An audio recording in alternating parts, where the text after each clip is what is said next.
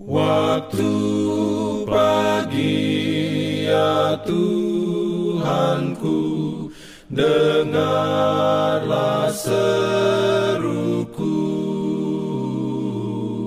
Melayang doa yang sungguh Memandang pada Selamat pagi pendengar Radio Advent Suara Pengharapan Mari mendengarkan suara Tuhan melalui tulisan pena inspirasi Agama yang bersinar. Renungan harian 23 Agustus Dengan judul Bicara bodoh, bergurau, bercanda.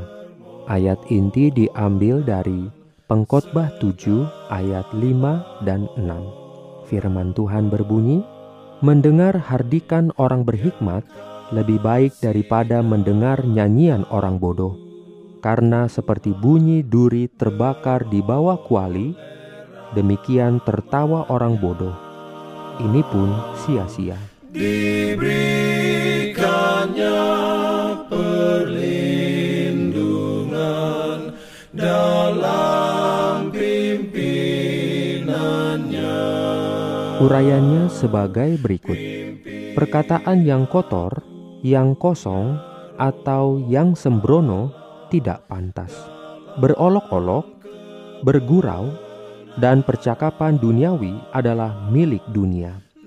Orang-orang Kristen yang memiliki damai sejahtera Allah di dalam hati mereka akan menjadi ceria dan bahagia tanpa memanjakan diri dalam hal merendahkan atau kesembronoan.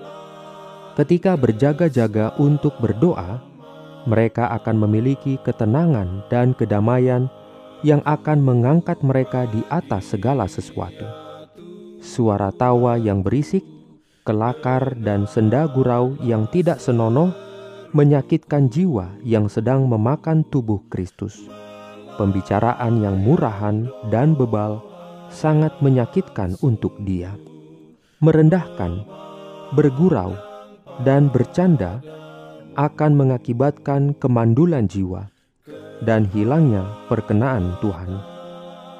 Pikiran yang sungguh-sungguh ingin memiliki hadiah kekal, memperoleh surga, akan berketetapan teguh menolak dengan tegas setiap pencobaan untuk bersendau gurau dan mempermainkan hal-hal rohani. Janganlah biarkan kejenakaan yang rendah mutunya meluncur dari bibirmu. Amin. Diberikannya perlindungan dalam pimpinannya. Pimpin aku. Jangan lupa untuk melanjutkan bacaan Alkitab sedunia. Percayalah kepada nabi-nabinya yang untuk hari ini melanjutkan dari buku Mazmur pasal 109. Selamat beraktivitas hari ini.